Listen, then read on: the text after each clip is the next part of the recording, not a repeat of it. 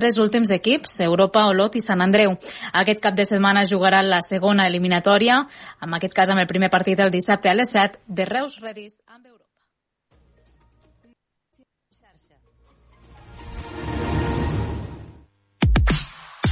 Obert per vacances amb Manel Ferrer.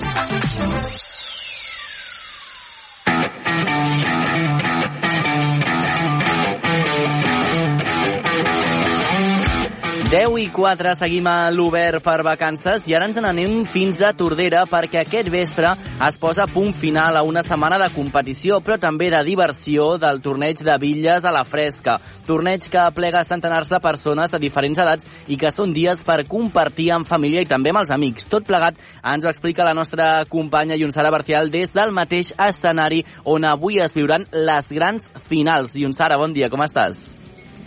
Bon dia, Manel, què tal? Doncs sí, ens trobem al Parc de la Sardana amb molta llàstima, eh? perquè avui ja acomiadem el torneig de billes a la fresca, però no estic sola perquè mm. ens acompanya el president de la Penya del Bistec, l'entitat que organitza cada any aquest gran torneig aquí al nostre municipi. Quim Cavaller, bon dia. Bon dia. Uh, Quim, uh, setmana intensa eh, de moltes partides i que avui es tancarà aquesta edició amb, amb l'entrega de premis, també el sopar, que ja serà el punt i final a l'edició d'enguany. Com han anat tots aquests dies? Deia setmana intensa, imagino que, que cansat, eh, també? Sí, sí, cansat, intensa, com has dit, però vaja, molt contents de l'acceptació, del clima que es crea, de l'ambient, eh, de la participació, no hi ha hagut incidències remarcables, per tant, bueno, estem molt contents. A més, és el torneig que marca una miqueta la setmana anterior eh, a la festa major i la gent ja comença a escalfar motors. Sí, sí, és una mica per posar-nos en situació, no? Ara, ara, ara ve la festa major i, i és un... Eh, bueno, s'ha establert ja amb els anys, ja gairebé portem 20 edicions, aquesta és la 19, eh, bueno, s'ha establert com una activitat de, de Tordera del poble de, de l'agost, diguéssim, de, de festa. Una dada que constata aquesta consolidació és que aquesta edició ha batut un rècord d'equips participants, 38 en total, i alguns que també s'han quedat fora en reserva. Donat aquest augment de, de dos equips respecte a anys anteriors, s'ha desenvolupat el torneig eh, com teníeu planejat? Sí, sí, de fet eh, nosaltres havíem planejat en principi 36 equips eh, degut a l'èxit de la participació perquè, perquè vam veure que hi havia molts inscrits a les primeres hores doncs vam eh, accedir o vam mirar la manera de, de poder ampliar pistes, vam ampliar un, una pista més que vol dir amb dos torns són dos equips més, tot i això s'han quedat dos equips també com a, com a reserva um, però és, és la... O sigui, i, i ja enteníem que era la capacitat que tenim per, per temes organitzatius i per tant ho hem pogut fer sense, eh, sense fer variacions respecte a el que estava plantejat i, i la veritat s'ha de, desenvolupat molt, molt bé. No, no, no hem tingut cap problema en aquest sentit. Quin bon dia. Per qui no ha jugat mai a Villes, explica'ns una mica també l'objectiu i com són també aquestes competicions. Què s'hi fa? Sí, mira, les villes catalanes és, és un joc de villes típic d'aquí a Catalunya, de villes n'hi ha a tot el món i de totes les cultures, els, els egipcis, diguéssim, ja, ja hi jugaven, i aquí la diferència amb el, amb el bowling, que diguéssim seria potser el referent, el que és més conegut, no?, les, les, els bolos americans, diguéssim, eh, aquí eh, doncs sí que tenim eh, sis eh, bitlles, no? en el bowling americà crec que n'hi són 10, aquí n'hi han sis que es posen doncs, tres a davant de les altres tres. No es posen en forma de triangle com a les americanes, sinó tres i tres, dues files de tres. I llavors l'objectiu és des d'una distància llançar un bitllot que és com una, és com una bitlla petita, sí. diguéssim, no és una pilota que es tira per terra, sinó que és un, com una massa de morter mm. que, que llences per l'aire, no per terra, terra amb l'objectiu no de tirar-les totes, sinó de deixar-ne una de dreta, que és la màxima puntuació que pots aconseguir. Deixar una bitlla dreta són 10 punts i qualsevol altre resultat és, és un punt per cada una que tires a terra. Uh -huh. Escolta'm, jo en tinc molta curiositat, no hi he jugat mai, i un Sara, no sé si tu sí que has tingut l'oportunitat de provar-ho. Doncs ho he provat un cop, un cop sí que, sí que ho vaig provar. Aquest any no he participat, em vaig quedar amb les ganes, però, però vaja, al final és el que comentàvem, és, és una competició que es juga en equips, ara en Quim ens ho explicarà, i en aquestes dates hi ha molta gent fora i, i al final els amics doncs, no hem pogut fer aquest uh, equip, però, però vaja, que l'any que ve no m'ho perdo, eh? Oh, tant, esperem doncs... que no t'ho perdis, t'esperem, m'ho apunto. De fet, Quim, la Llonçada ens ha donat una pista. Uh, funciona per equips? Sí, realment tenim diverses categories. Uh, nosaltres el que, el que volem anar en aquest torneig, és, de fet, és promoure les villes entre la gent que no juga habitualment i entre els més petits. Per tant, el, el que fem primer és uh, separar les categories entre federats i no federats. Val? Així, per exemple, en el mateix torneig, eh, per bé que se juga per equips, eh, equips que cada dia estan formats per cinc jugadors, tot i que pots inscriure 8, però aquell dia només poden jugar 5. Mm. Llavors, eh, aquest, hi ha una classificació per equips, separem el que és la, els equips federats dels equips no federats, per tant, a la vegada fem dues competicions paral·leles, diguéssim, i a la mateixa vegada que els, que els jugadors tiren i puntuen per l'equip, doncs també puntuen de manera individual. I en, aquí, i, i en aquest apartat, diguéssim, en aquesta categoria, també dividim entre els jugadors que estan federats i els que no estan federats. I a la vegada també eh, dividim, fem dos premis infantils, dos categories infantils eh, dels nascuts entre el 2015 i 2011 i els nascuts entre el 2010 i el 2007. Vale? És a dir, de 8 a 12 anys i de 13 a 16 anys. Vale? I per tant són doncs, un total de sis categories que tenim en, a, en aquest torneig, sempre amb la idea aquesta de, de promoure la participació dels més petits i dels que habitualment no juguen.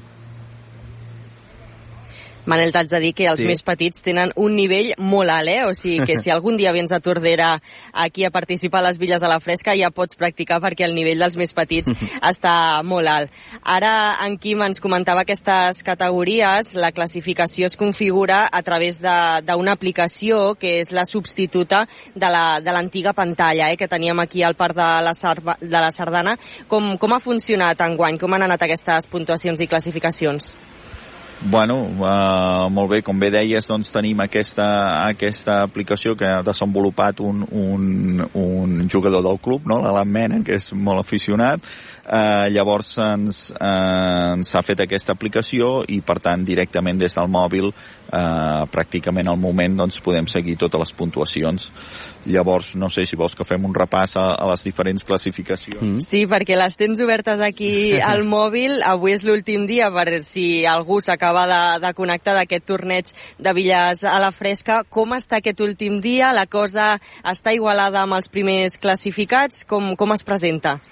Bueno, us presenta, hi ha, hi ha de tot, evidentment, hi ha diferents categories i hi ha les classificacions, algunes estan més renyides que altres. Uh, mira, per exemple, en els equips no federats eh, hi ha el, el primer equip, que són les marfallones estrellofades, que estan eh, destacades respecte a la resta. Però els equips que continuen sí que pel segon i tercer lloc, els, recordem que els tres primers són els que tenen premi, doncs el segon i tercer lloc està, està bastant renyit entre els 4x4, el Toquet, Uh, llavors hi ha el quart les busca esquerra, el, el UNB, el Tocs de Villes, estan molt igualats. La veritat és que avui es decidirà, hi ha 5-6 equips que, que poden entrar en el podi. Això. O sigui, en aquesta part es, es disputen el podi sis equips, no?, per dir-ho d'aquesta manera, sí. perquè la, la primera posició jo crec que si fan partides com les mm. d'aquesta setmana no tenen rival. Sí, efectivament, tenen gairebé 90 punts de marge i això és molt per, per reduir-ho amb, amb, amb, un sol, amb una sola jornada, no? Jo crec que, que el primer premi està, està bastant aclarit, crec que no passés alguna cosa excepcional. A veure, l'altra classificació, com, com la tenim en els equips federats? Bueno, en els equips federats, en aquest cas l'equip de la Penya del Bistec també, en el mateix cas està molt destacat, si abans parlàvem de 90 punts de diferència, doncs la Penya del Bistec té 140 punts de diferència, Carai. ha fet unes partides molt bones, eh, jo crec que les, les millors del torneig, o s'ha fet la millor partida que s'havia fet mai en el torneig, que és una puntuació de 398 punts, i, i en aquest cas ja té bé, pràcticament enllestit el, el primer premi. Hi ha, hi ha altres equips que, bueno, que, que estan en segon, tercer, quart classificat, que són la Perxa d'Astor, el Gambes Males Villes Club, que aquest el voldria destacar especialment perquè, perquè són tercers, però, però són nanos de 14 anys. Tot l'equip són nanos de 14 anys i els tenim aquí en tercer classificats dels 10 equips federats. Per tant, eh, molt destacable. I després hi ha els caradures, que són de Fogàs, etc. Uh -huh. Perquè al final equips que venen uh, de fora, eh, de Tordera, no només d'aquí, la majoria sí que són de Tordera, però gent que també s'acosta aquí al nostre municipi. Sí, efectivament. El, el fet de que tinguem tota una setmana sencera de, de torneig fa que equips de, de, de més lluny, diguéssim, de Barcelona o de la zona de Girona o així, eh, no venen perquè, evidentment, fer el desplaçament cada dia, més aquestes hores, de les 9 de la nit, a ple, acabem pràcticament a les 12, doncs el sí és més difícil. Però però, equips de, de més a prop, com a Perxa Astor, que és de Sant Feliu de Buixalleu, l'equip de Fogàs, el d'Hostalric, eh, Calella, doncs aquests sí que, que normalment participen. -hmm. De fet, eh, Quim, ens parlaves d'aquests eh, nois de, de 14 anys. És veritat que hi ha dues categories, uns que són els federats i els altres no federats. Eh, la gent de peu de carrer, que podríem dir-ho així, notes que aquest any hi ha nivell, que s'han preparat? Bueno, uh, la veritat és que uh, hauries de veure les pistes de Villes a les últimes setmanes abans del torneig. Mm. Vull dir, uh, hi ha molta gent que s'acosta a jugar a Villes, a preparar-se per, per, per, uh, bueno, pel, pel torneig. Gent que no juga durant tot l'any, però que quan s'acosta al torneig, aquestes dues tres setmanes, doncs comença a venir habitualment un parell de cops per setmana o més per, bueno, per, per escalfar motors, per calentar el braç, per, per fer-ho el millor possible, sí, sí. Manel, perquè et facis una idea, sí. perquè tots us feu una idea, aquest torneig no només va d'aquesta part esportiva d'aquesta competició, sinó que en Quim parlava dies enrere amb ell, em, em feia aquesta comparació amb Sant Pons, eh, aquí a, a Tordera, una festa tan tradicional on no només la gent eh, fa aquest torneig, sinó que també porta les seves taules, o sigui que al final, Manel, és tota una festa. Doncs ja us sembla, de fet, eh, acaba avui, eh, i un Sara, aquest vespre a les 9, després hi haurà aquest sopar popular, no?, que serà com aquest final de, de festa. Doncs sí, en Quim ens ho, ens ho pot explicar, mm. a veure si ja està tot a punt i com anirà aquest sopar. Sí, bueno, ho estem acabant de preparar. Efectivament, després de, de l'última jornada, doncs fem la corresponent entrega de premis, eh, sorteig d'una espatlla i diverses Ai. altres coses, i després farem el, una botifarrada eh, i unes postres, un gelat de, de gelats alemany, que, ens, eh, que és un patrocinador també que tenim.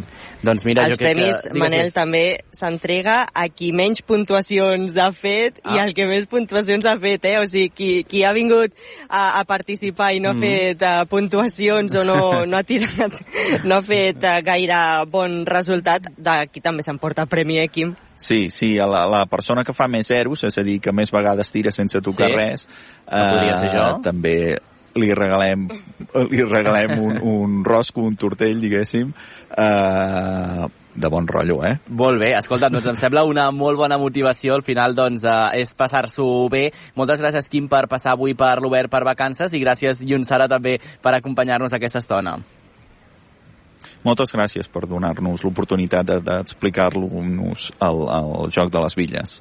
Gràcies. gràcies, Manel, us esperem, eh? Segur, que vagi molt bé. Fins ara.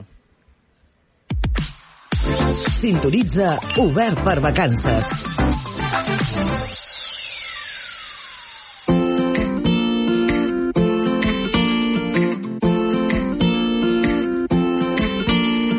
Passen 3 minuts d'un quart d'onze del matí, hem anat a jugar a Villes Catalanes a Tordera i ara us proposem un altre viatget, un viatget que ens portarà fins a Arenys de Mar a només 40 quilòmetres de Barcelona i a 60 de Girona. Teniu la proximitat del Parc Natural del Montnegre i el corredor a 6 quilòmetres.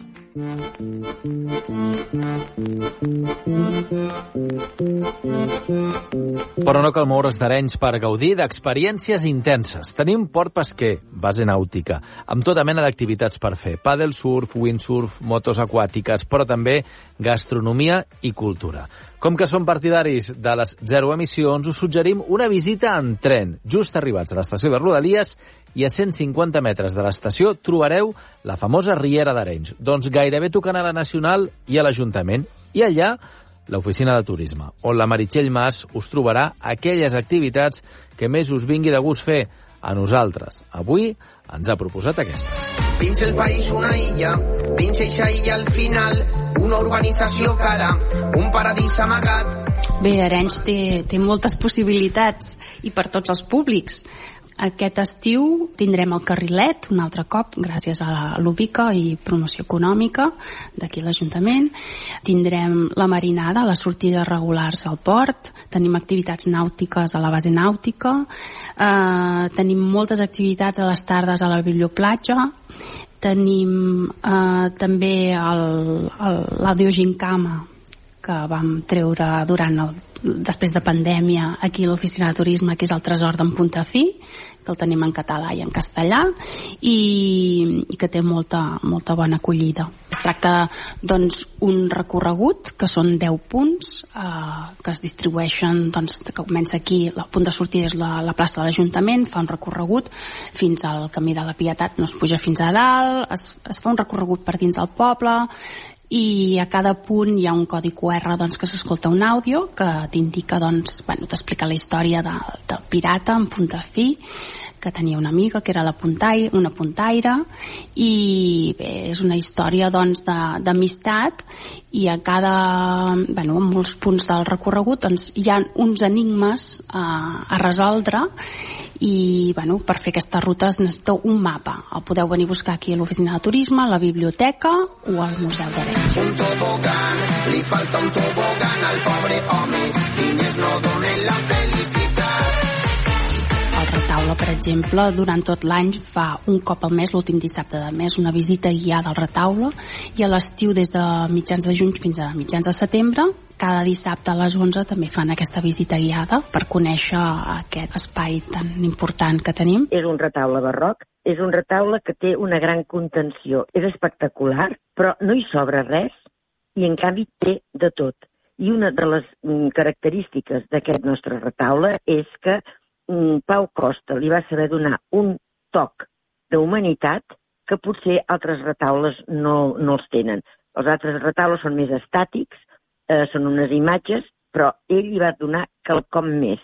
A part de eh, les tres, diguem-ne, característiques del barroc, que és el moviment, l'expressivitat i el color, ell hi va afegir la humanitat.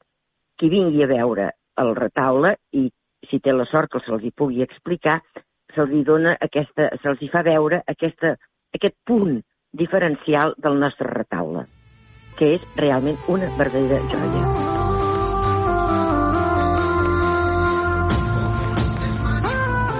El cementiri també és un horari molt obert, també, de les 8 del matí fins a les 7 de la tarda. No sé si es farà alguna visita teatralitzada durant l'estiu.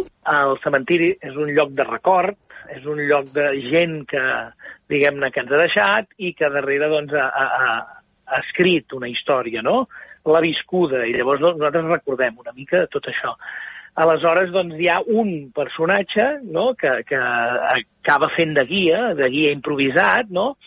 Que és un, diguem-ne, un inquilí d'aquest cementiri. És una persona que està enterrada en aquest cementiri i que, d'alguna manera, doncs, amb tot el temps que fa que està enterrat, ha sentit a parlar, ha conegut, ha vist, i ell ens fa una mica de Ciceró, no? Ens porta amb aquesta visita i ens parla, doncs, d'històries, ens parla de les escultures i ens parla, doncs, clar, d'un escultor, Llimona, Vallmitjana, eh, Eusebi Arnau, de, doncs, per exemple, ara t'acabo de dir Eusebi Arnau, no? Doncs, eh, Eusebi Arnau és l'escultor del temple expiatori del Tibidabo. Doncs a partir d'aquest nom, pam, parles del Tibidabo. De seguida tens aquesta connexió que va més enllà del cementiri d'Arenys de Mar i que és el que fa doncs, que, que, que tothom pugui dir ai, mira, doncs, caram, no? en aquest petit racó de, de, del Maresme doncs resulta que tenim connexions més enllà de, de, de tot això. I diguem-ne que tenim aquest personatge que, que juga per aquí.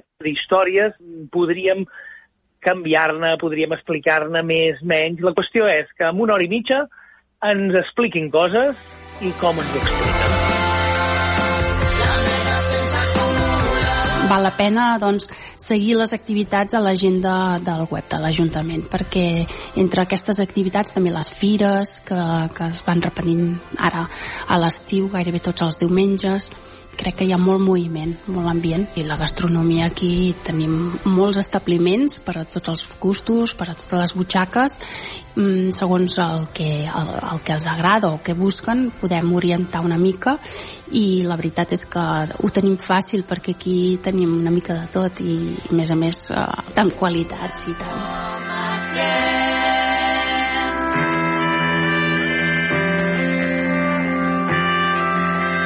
I a més Arenys tenim hotels amb encant i botic, amb balneari i piscina per si us decidiu a gaudir d'una estada aranyenca. Us esperem.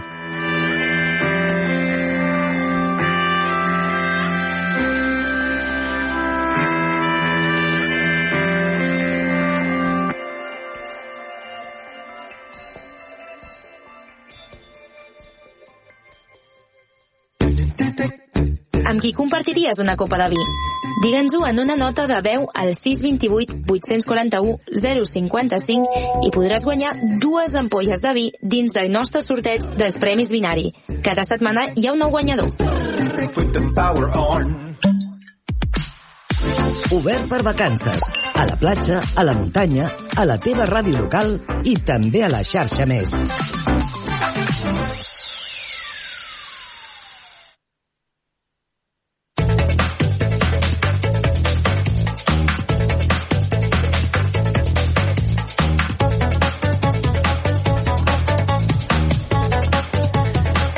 Minuts per arribar al punt de dos quarts d'onze del matí. Seguim en directe a la vostra ràdio local amb l'Obert per vacances. I recordeu, al principi del programa el nostre company del nou FM, l'Eudal Puig, ens ha donat pistes, però haig de dir que molt poquetes, a veure si ens pot donar alguna curiositat més de on es troba avui a la ciutat de Vic. Eudal, bon dia de nou.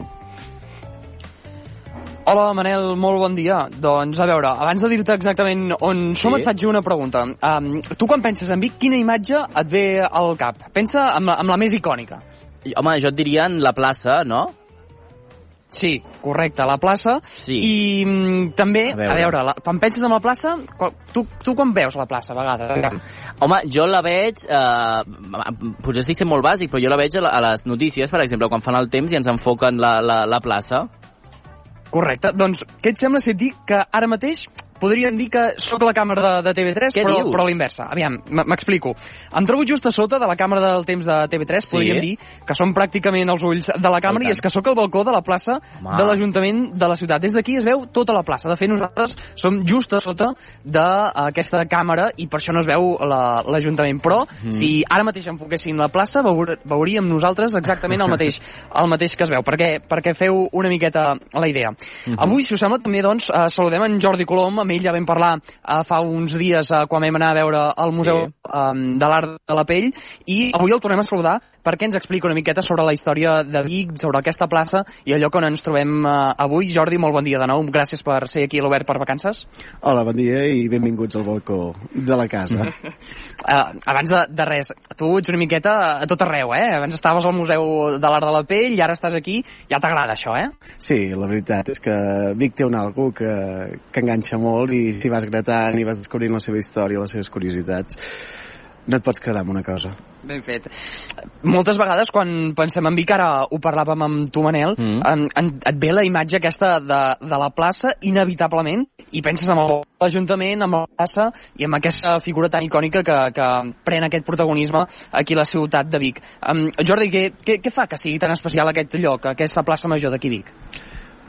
Pels biguetans no, no ho saps, però ja ho portes a dins, ho portes a l'ADN i quan quedes, quedes a, a plaça.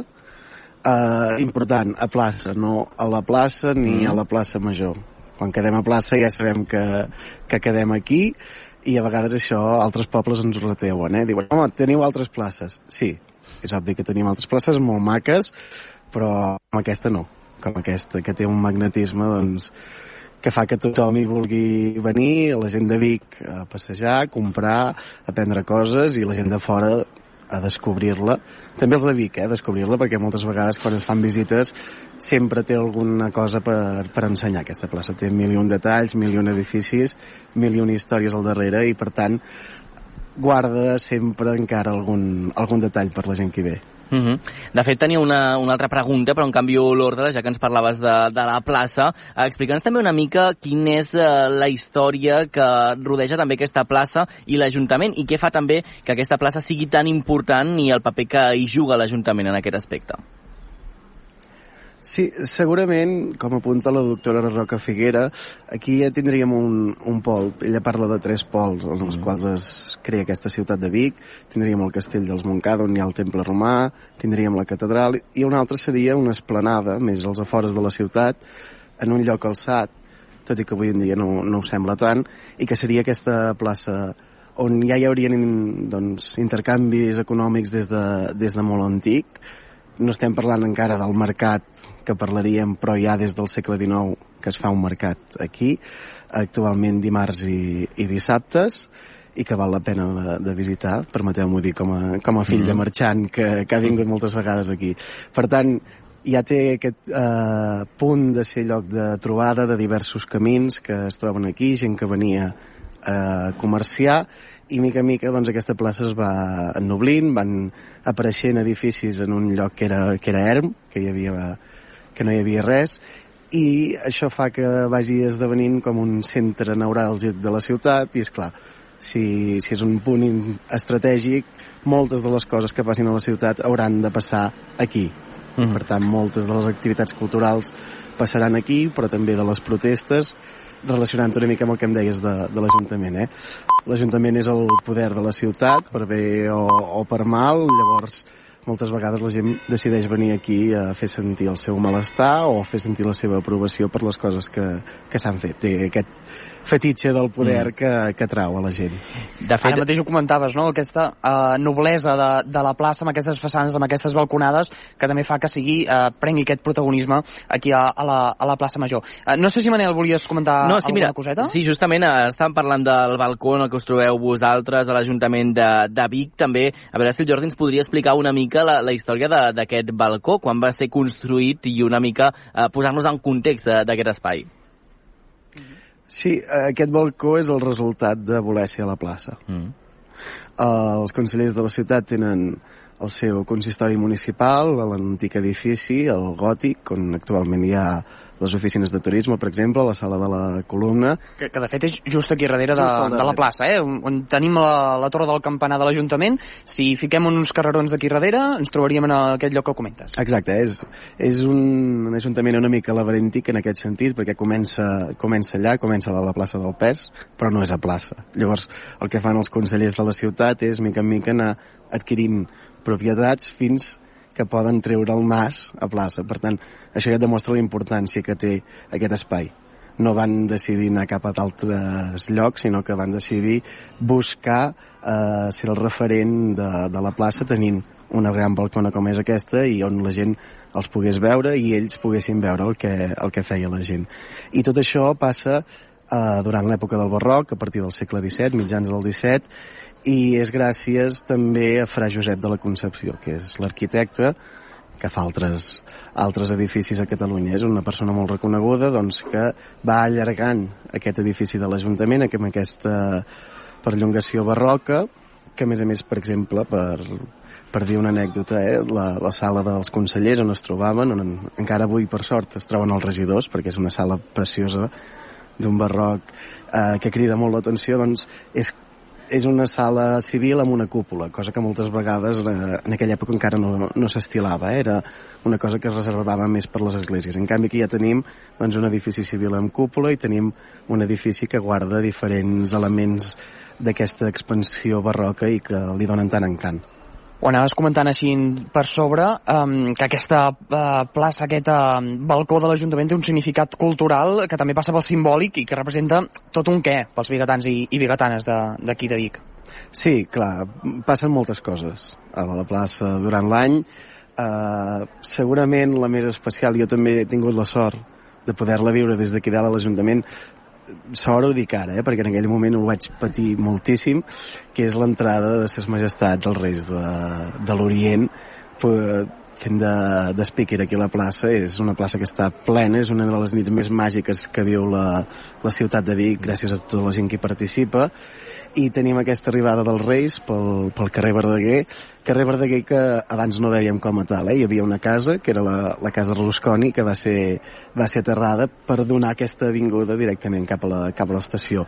És una nit molt màgica, també és un moment especial doncs, el dia de la processó, el dia de la processó dels armats, que es fa el diumenge de Rams aquí a la ciutat de Vic.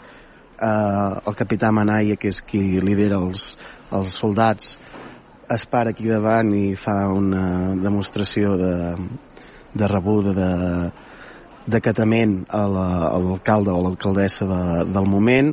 El dia del Mercat del Ram tenim els Segals d'Osona fent aquí els seus, els seus castells, per tant, en aquesta zona més reduïda d'aquí de la plaça no és, ben bé, no és ben bé el centre, sinó que és a tocar d'aquesta torre barroca i tenim altres elements. Eh? Jo recordo de petit, per exemple, cantar caramelles aquí sota i l'Ajuntament doncs, des d'aquí dalt que, que ho escoltava i trobaríem altres moments, eh? Trobaríem moments, per exemple, també com música viva, quan tens la plaça a petar per un, per un concert molt especial, el dijous llarder, Sant Jordi, tot de moments que van marcant el ritme d'aquesta plaça i que brilli amb una llum especial.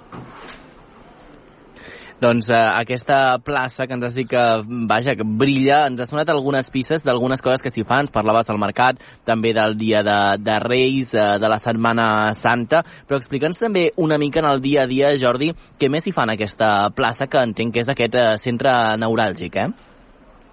Sí, eh, té dos moments claus a la setmana, segurament que són els dies de mercat, perquè hi ha més afluència encara de, de gent, però és una plaça que és viva. Vull dir, ara mateix estem veient molta gent que està, que està voltant per aquí. Parlàvem ara amb el personal de l'Ajuntament i dèiem si, si fos una plaça més petita la veuríem a rebentar, però com que és molt gran, eh, es veu buida, però realment és una plaça que és molt viva, tots els seus voltants hi trobem botigues, algunes centenàries, sobretot les veiem a, l'altre cantó, botigues centenàries i, i precioses que han sapigut mantenir aquest estil i aquest esperit de quan van obrir.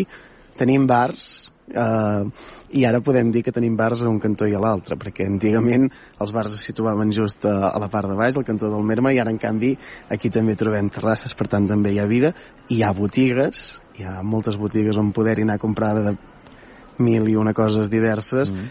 i també és això, és un lloc que, que convida a passejar-se, a l'estiu per sota dels balcons, sobretot, perquè la calor és, és dura, i a l'hivern, especialment quan hi ha l'arbre doncs conviden allà, al mig de l'arbre, que, que està engalanat amb llums i que ens apropa més cada vegada cap al, cap al Nadal. Ja ho sabeu, estem aquí al balcó de l'Ajuntament de Vic, que és un dels molts balcons que envolten aquesta plaça major de la capital d'Osona i des d'aquí pràcticament els veiem tots, eh, per no dir que, que realment els, els veiem tots. Jordi, explica'ns eh, quins altres edificis veiem o quins són els més característics que també estan aquí a la plaça i quina història amaga enrere seu. Començarem per un edifici que no és a la plaça, però que el veiem, que és just al carrer Verdaguer, perquè talla aquí al davant, que és aquesta casa Comella, aquesta preciosa casa, que a més a més és la seu del Casino de Vic, una entitat més que centenària i que encara té alguns, alguns elements claus com són la sala on es fan els actes que és, que és preciosa, és un casino que encara doncs, és viu i s'hi pot, pot anar llavors seguiríem eh, per aquest buit que parlàvem abans de la, de la casa Rusconi buit que també van deixar, aprofitem per dir-ho, dos fanals que va dissenyar Gaudí i que es van eliminar el 1924, que això a vegades la gent ho, ho desconeix. Seguirem per la Casa Costa, que és aquesta que ens queda just aquí al davant, més imponent, amb una torre al darrere, que té unes vistes magnífiques. És una casa que està excel·lentment ben, ben treballada, a mi a mi m'agrada moltíssim. Tenim la Casa Tolosa, la Casa Moixó, just eh, a l'altre cantó en diagonal amb nosaltres i tenim el que és la columna més antiga que es conserva de, de la plaça, fins i tot es veuen doncs, les marques de les rodes i que ens recorda que aquesta plaça porxada que veiem avui en dia i que tothom té en ment eh, no sempre ha sigut així. Antigament, com dèiem, era una esplanada, més tard s'hi van construir uns edificis seguint aquesta estructura, eh, tindríem una columna amb una viga i una altra columna i més endavant és quan es van noblint i es fan aquestes porxades que han de permetre passar una persona a cavall, segons com marca la directriu de, de l'època. Que de fet aquesta columna que comentaves tu ara, eh, de fet està una mica torta, si no m'equivoco, pel sentit aquest de que hi poguessin passar bé els carros, eh? Ah. Sí, en, el carro anar passant amb la roda doncs ha anat malgastant i malmetent aquesta, aquesta pedra també és pedra de Fogaroles, que és una pedra que aquí s'utilitza molt, va molt bé per, per treballar-la, però porta més problemes a l'hora de, de mantenir-la. És una pedra que, que es desfà molt. Uh mhm. -huh. De fet, eh, estem veient, eh, justament ens hem connectat a veure aquesta càmera de, de TV3 que si no va errada i funciona correctament, teniu prou bon dia, no, Eudal, avui? Sí, la veritat que sí, fa caloreta, com mm. toca a l'època de l'any, i la veritat que sí, l'únic que això s'està molt millor a l'ombra mm. i fa bon dia, fa bon dia. De moment, mentre no vagi apretant la calor, de moment s'està prou bé. Sí, sí. De fet, eh, Jordi, ara ens parlava l'Audança que fa bon, bon dia, però és cert que eh, la plaça durant l'any va canviant també el seu aspecte, no? Depèn del moment de l'any en el que ens trobem, hi ha més coses, hi ha menys coses. Ara, per exemple, veia algun cotxe a la plaça, no sé si sempre hi ha cotxes a, a la plaça, perquè quan hi ha mercat suposo que no hi ha cotxes, és a dir, té molta vida aquesta plaça, no? Sí, hi han cotxes. Quan hi ha mercat hi ha molts cotxes mm. al moment d'arribar. Eh? És, és aquest moment caòtic previ a anar a muntar les parades.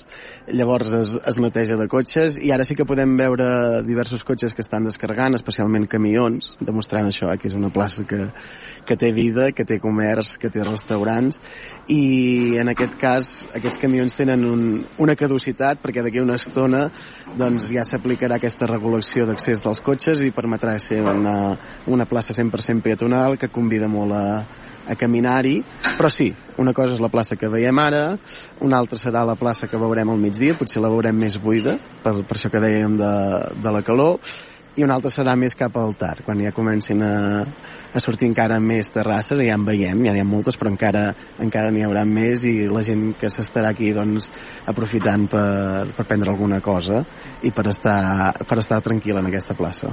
A banda de la imatge aquesta que comentàvem, que coneixem tots, que és aquesta de la càmera de TV3, eh, aquí a, a la plaça, un dels esdeveniments més claus eh, és un dels que comentava també en Jordi fa una estona, que és aquesta rebuda, gran rebuda dels tres Reis Mags eh, d'Orient aquí a la ciutat de Vic i que acaba aquí a la plaça Major quan els tres reis pugen amb unes escales eh, aquí a la, en el balcó i fan el seu discurs i, de fet, també el rei Malció, si no m'equivoco, acaba dient una gran fase que s'ha convertit ja en tota una estrella i tradició aquí a la ciutat, que és aquesta frase adormitare. Què, què, què ens en dius d'aquesta uh, frase que s'ha convertit ja, això, una tradició? Bé, és una frase que pels nens i nenes que ens puguin escoltar que li facin cas, eh? perquè és quan els nens i nenes estan dormint que els reis i els seus patges poden fer bé la, la seva feina. Per tant, el rei Malció, abans de recordar-nos que porta un gran carregament, que també és una de les frases cèlebres que ens deixa anar i que espera l'any que ve que s'hagin portat més bé encara els nens per portar un carregament més gran, doncs els convida a tots a anar a dormir. És un dia que és molt difícil anar a dormir, tots sabem els nervis que hi ha, tots els hem passat, però necessitem això, poder deixar el camí bé doncs, perquè els patges i les majestats puguin fer la, la feina i puguin deixar els regals que tots esperem poder obrir quan tornem o just l'any demà al matí.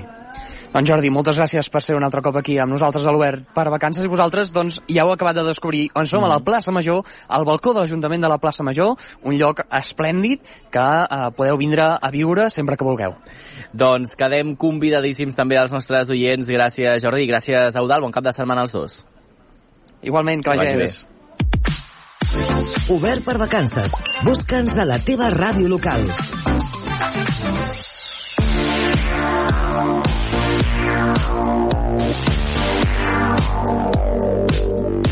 10.42, anem a descobrir un nou grup emergent. Avui escoltem la música d'en Jaume Arboledes, un músic veterà veí de Sant Feliu de Codines. El Roger Rams, dona codinenca, ha parlat amb ell.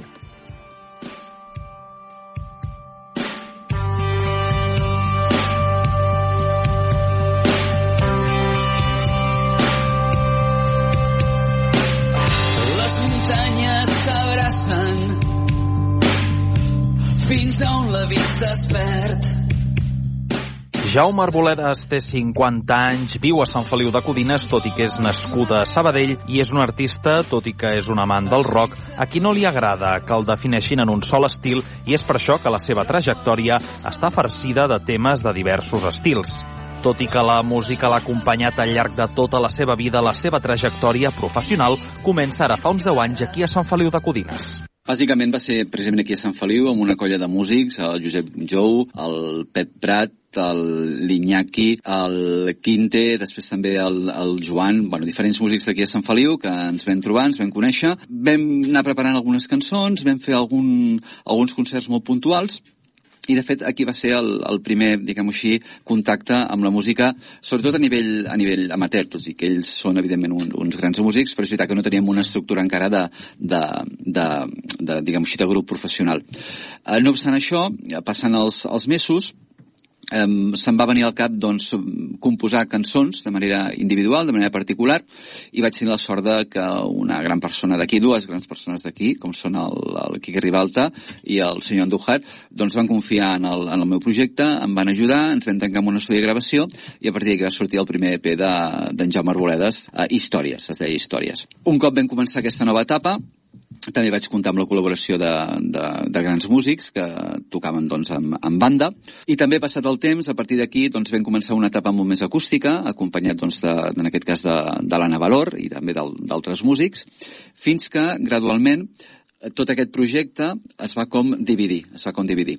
Per un cantó va continuar el projecte de Jaume Arboledes, a nivell individual, i després eh, va sorgir un nou grup amb la meva dona que s'anomena The Rivillow. I aleshores és aquestes dues vessants musicals, no? Jaume Arboledes i, i Derry Billow, amb la meva dona. Actualment Derry Billow el, el composa, juntament amb la meva dona, doncs el Quim Molló i la, i la Susi. I ara és el punt on ens estem trobant, en aquesta... T'ho he, fet, he dit d'una manera molt i molt resumida, eh? Ens estem trobant en, aquest, en, aquesta, en, aquesta, en aquestes dues línies, Jaume Arboledes per un cantó i Derry Billow per un altre. Una mica, Jaume, quina ha estat la teva inspiració a l'hora de crear música? Bueno, sens dubte, Miquel Erenchun. Miquel Erenchun, el, el vocalista de, de Duncan Du, que per mi ha estat un, un referent musical. Jo crec que tots a la vida hem tingut uh, grups no?, que han estat la nostra banda sonora i, sens dubte, Miquel Erenchun, sí. Al llarg del teu repertori, diguem així, uh, has dedicat algun tema a Sant Feliu, el teu poble? Sí. Per què? I quina importància té Sant Feliu en les teves creacions? Bueno, de fet, Sant Feliu és el lloc, que, tot i que sóc de Sabadell, Sant Feliu, des de que em vaig casar, és el lloc on, on estic vivint i on passo, doncs, lògicament, la millor, la, la, la millor i la major part, part del temps. I, sobretot, la idea va ser de, ja que ens llancem a l'àmbit musical, anem a buscar quelcom que no s'hagi fet fins ara i que tingui unes arrels catalanes pròpies locals, no? I fins a la data, parlo del 2014, no hi havia ningú que hagués fet una, una composició musical sobre Sant Feliu des, d'una vessant del pop-rock. Potser sí que n'hi havia d'altres, des d'altres estils musicals, però crec que des del pop-rock no n'hi havia cap. I per això ens vam animar a fer-la i vam fer aquesta cançó de Sant Feliu dedicada doncs, al, al nostre poble. De Sant Feliu Feliu. De Sant Feliu. Uh, no has parat de treballar, de fet en aquests darrers anys has estat uh, no, fent sempre creacions, fent sempre coses noves, no? Són de diferents registres tots els teus treballs, és a dir, tu sempre et mous en un mateix registre on et sents còmode, per dir-ho així, o, o has anat variant? Intento variar, tot i que és veritat que la base és eh, la, la veu i la guitarra, i a partir d'aquí surten les cançons, però intento variar, des del primer Històries, que era pop-rock, passant després per L'Advocat i el Diable, que era un EP molt, molt més acústic, només amb guitarra i veu, després passant per altres tessitures també més, més rockeres, intento canviar una mica, no sempre fer el mateix, tot i que és veritat que a vegades quan s'han d'interpretar les cançons, si en aquell moment doncs, no tens una banda que t'acompanya, has de tirar per la veu i per la guitarra, no? Això sí, però intento variar variar, sí, intento variar el registre. Ens comentaves que ara l'actualitat passa una mica no, per, per aquest grup que tens format també amb la teva dona mm -hmm. i amb mhm. altres membres, com has comentat. Uh, Explica'ns una mica quina és uh, aquesta situació de present. Bé, doncs, ara amb, amb The Revealo el que estem fent és... Anem, anem treballant en els diferents concerts que tenim, les diferents cançons que ja hem editat amb, amb, amb discos anteriors, i amb mires a poder gravar un nou, un nou EP que pugui transmetre l'esperit del que actualment és, és de Rivilo. Ara t'anava a preguntar pel futur. Evidentment, aquest és un dels ingredients no, que forma part d'aquest futur, aquest futur LP que, uh mhm. -huh. que voleu editar. Més enllà, quines són les perspectives de futur de, de Jaume Arboleda? Bé, doncs, a part d'aquest projecte, no, d'aquest nou EP amb The Rivilo, estem treballant amb un, amb un productor de, de Sant Quirze de Besora, eh, un, un single de Jaume Arboledes que volem que sigui molt colpidor. El que deia abans de canviar els registres, doncs anem a fer un pas més. Anem, anem a tirar cap a un camí en el qual no hi he estat mai, eh, aquest productor té... Que no m'agradaria desvetllar una mica el, el, el secret, no? però anem a tirar per un registre que, en el que no he estat mai i espero que sigui força, força ener, ener, enèrgic, no? força amb molta energia. També t'haig de ser sincer, eh? menys el rap, reggaeton, trap i similars, això no. S'escapa una mica, no? S'escapa una mica, sí. Doncs, Jaume Arboledes, moltíssimes gràcies per acompanyar-nos, per passar per aquí pels micròfons d'Ona Codinenca. Doncs ha estat un plaer. Moltíssimes gràcies a vosaltres. Que Déu us doneixi. Gràcies, molt amable. Després de la nit més fosca. Però abans que surti el sol. En aquesta matinada tan nostra hi ha un terrat reservat per dos. Sentim el miracle de la vida. Desperta la ciutat adormida Obert per vacances. A la platja, a la muntanya, a la teva ràdio local i també a la xarxa més.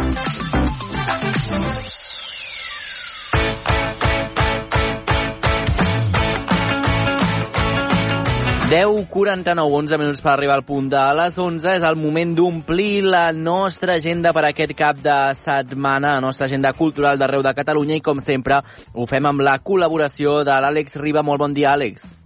Bon dia, Manel. No pateixis perquè et porto un bon grapat de propostes, perquè així no t'avorreixis durant el cap de setmana, eh? Doncs això és perfecte. Per on comencem? Arrencarem a ritme de Rafaela Carrà, i és que Salou es troba immersa en les nits daurades, les seves festes majors d'estiu.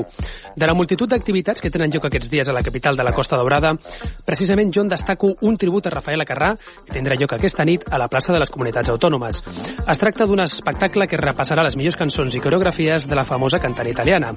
El regidor de festes de Salou, Xavi Montalà, explica per què han decidit apostar per un tribut de Rafaela Carrà. És una activitat que hem pensat de cara a que no hi ha una sola persona al món que no es conegui mínim una cançó de Rafaela Carrà. Per tant, és coneguda internacionalment, és una música que és tota, absolutament tota ballable, de passar-s'ho bé, de tenir ganes d'estiu, de tenir ganes de festa i de tenir ganes de salou més que mai. I si els boomers encara no en tenen suficient amb aquest tros de Remember, doncs eh, la mateixa plaça de les comunitats autònomes s'omplirà de música dels 80 diumenge a la nit. Manel, a Salou la festa està servida. Oh, tant, ja ho veig, i de fet amb aquest tribut a Rafaela Carrà, és a dir, que la festa està més que servida. Comencen fort, eh? Sí, sí, i tant. I ara hem de baixar una miqueta les marxes mm. per a moure'ns fins a les Piles, a la Conca de Barberà, on aquest cap de setmana tindrà lloc el Festival Danseu. Es tracta d'un cicle internacional de dansa i arts del moviment en context rural. Tot i fer-se en un poble de 200 habitants, la iniciativa plegarà més de 2.000 persones, estudiants d'arts del moviment mm. i gairebé un centenar d'artistes. El director del festival, Pau Estrem, exposa que l'objectiu d'aquesta edició és que el públic s'oblidi de l'estrès que ens genera el dia a dia per culpa de la tecnologia. Enguany volíem dir, ei, podem frenar aquest uh, ritme frenètic en el qual ens trobem com a societat, com a individus, i, i és una mica el que esperem aportar també al públic, no? Una sensació de... Jo quasi els diria, ei, apagueu els mòbils, veniu a les piles i gaudiu d'aquesta proposta a banda dels 10 espectacles que configuren el programa del festival, els visitants també podran participar en un taller d'anatomia inventada o en un vermut reflexiu al voltant dels problemes de la Conca de Barberà. Doncs una proposta també ben diferent, eh? I com podem arrodonir aquest cap de setmana que ja amb les dues propostes que ens has explicat ja pinta molt bé.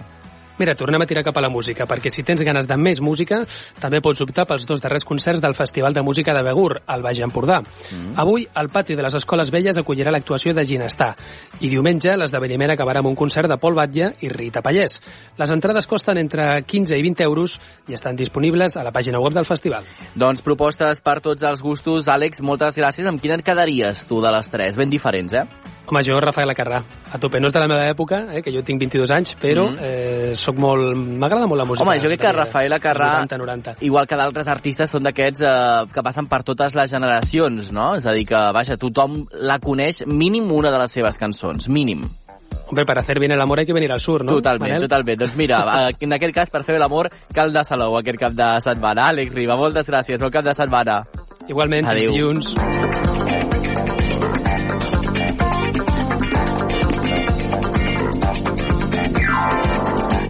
Si acaso se acabe el mundo, todo el tiempo he de aprovechar. Corazón de vagabundo, voy buscando mi I amb Rafaela Carrà, que podria ser també una de les cançons de l'estiu, anem al nostre concurs de la cançó de l'estiu.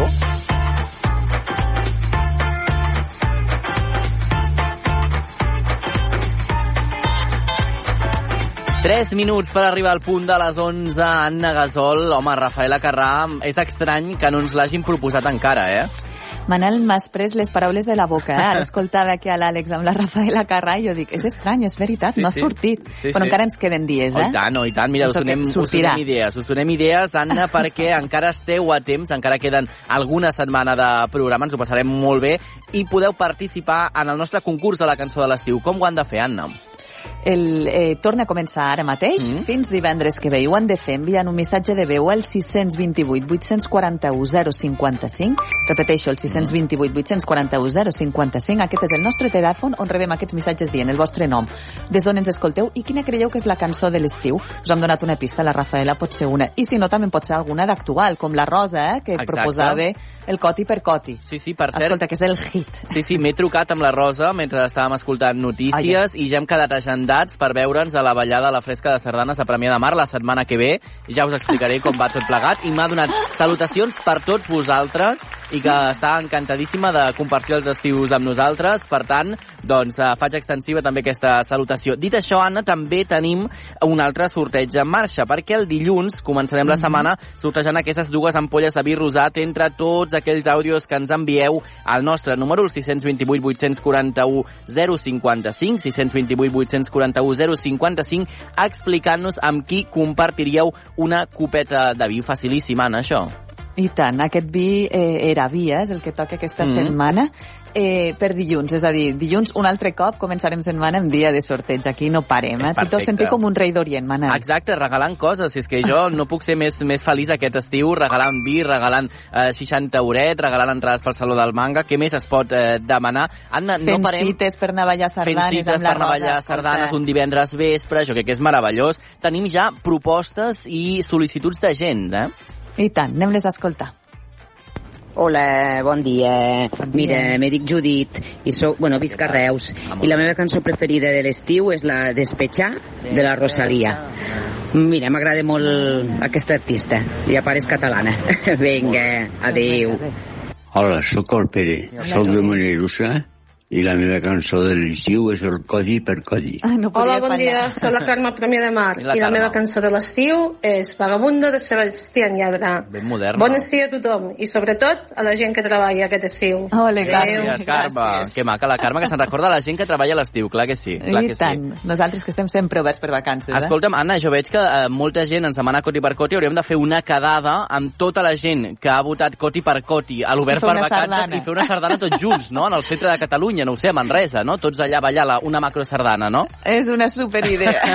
doncs escolta'm, jo crec que per eh, mm, sol·licitud popular podria marxar amb Coti per Coti, però escolta, tenim a Rosalia, que a més Raúl Alejandro ja ha fet una cançó, i jo crec que podríem marxar amb ella, no?, de cap de setmana, què et sembla?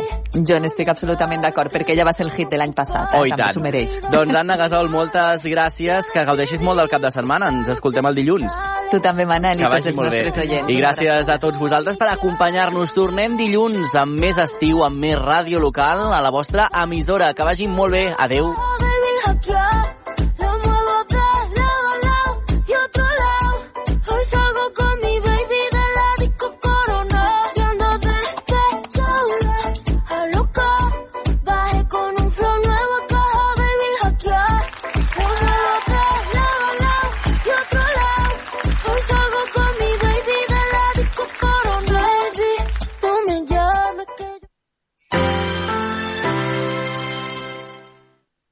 La xarxa de comunicació local. Comenzaré a relatarlo desde que te vi, poniendo estrellas en el cielo, tumba en el jardín, papel pintado negro, Mati le diste Mati. Con el tiempo te diré que yo me maté ahí. Solo queríamos perdernos, irnos a otro lado, en otro uso horario y otro uso de los labios. Y qué manera de gastarlos, de tanto usarlos, de tanto de todo, de pensarlo, vamos. Nos proclamamos perdidamente encontrados, enflechados, sin darnos por hecho. Dos gotas de agua que perforaban la roca. Enrocados en mostrar lo que salía del pecho, sin quedarnos en el casi ni con las ganas, haciendo que hasta lo imposible fuera fácil. Guerra y calma, nuestras manos enlazadas, otra geometría sagrada, Fibonacci. Y como te digo que nunca fui de los que creen que sentiría el afecto. Si yo de joven jugué a alejar imanes para ver cuando perdían efecto. Ahora que todo está bien, preguntas qué hora será. Somos cuestión de tiempo. No será perfecto, no. Solo he visto llorar de alegría dos tipos de personas a orillas del mar, los que se enamoran y los que naufragan, pero nunca vi a tus ojitos nadar. Dicen que que a nada nunca se ahoga, pero me das todo y cuesta respirar. Callo verdades que me salen solas, porque todas riman con el verbo amar.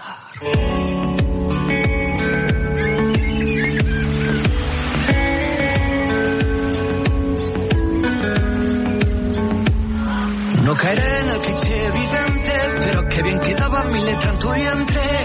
No caeré amores corrientes si me enamoraste sin querer. Quiero celebrar contigo hasta los males de altura, las dudas y los despertares.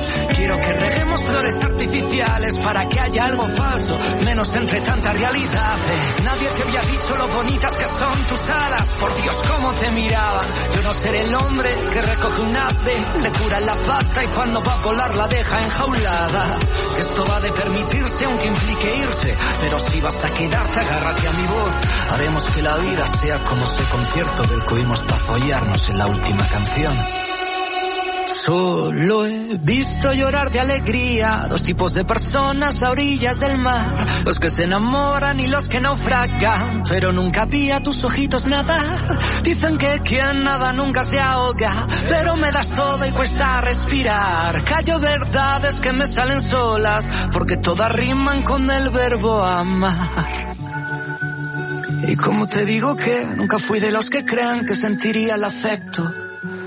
Si yo de joven jugué a alejar imanes para ver cuando perdían efecto.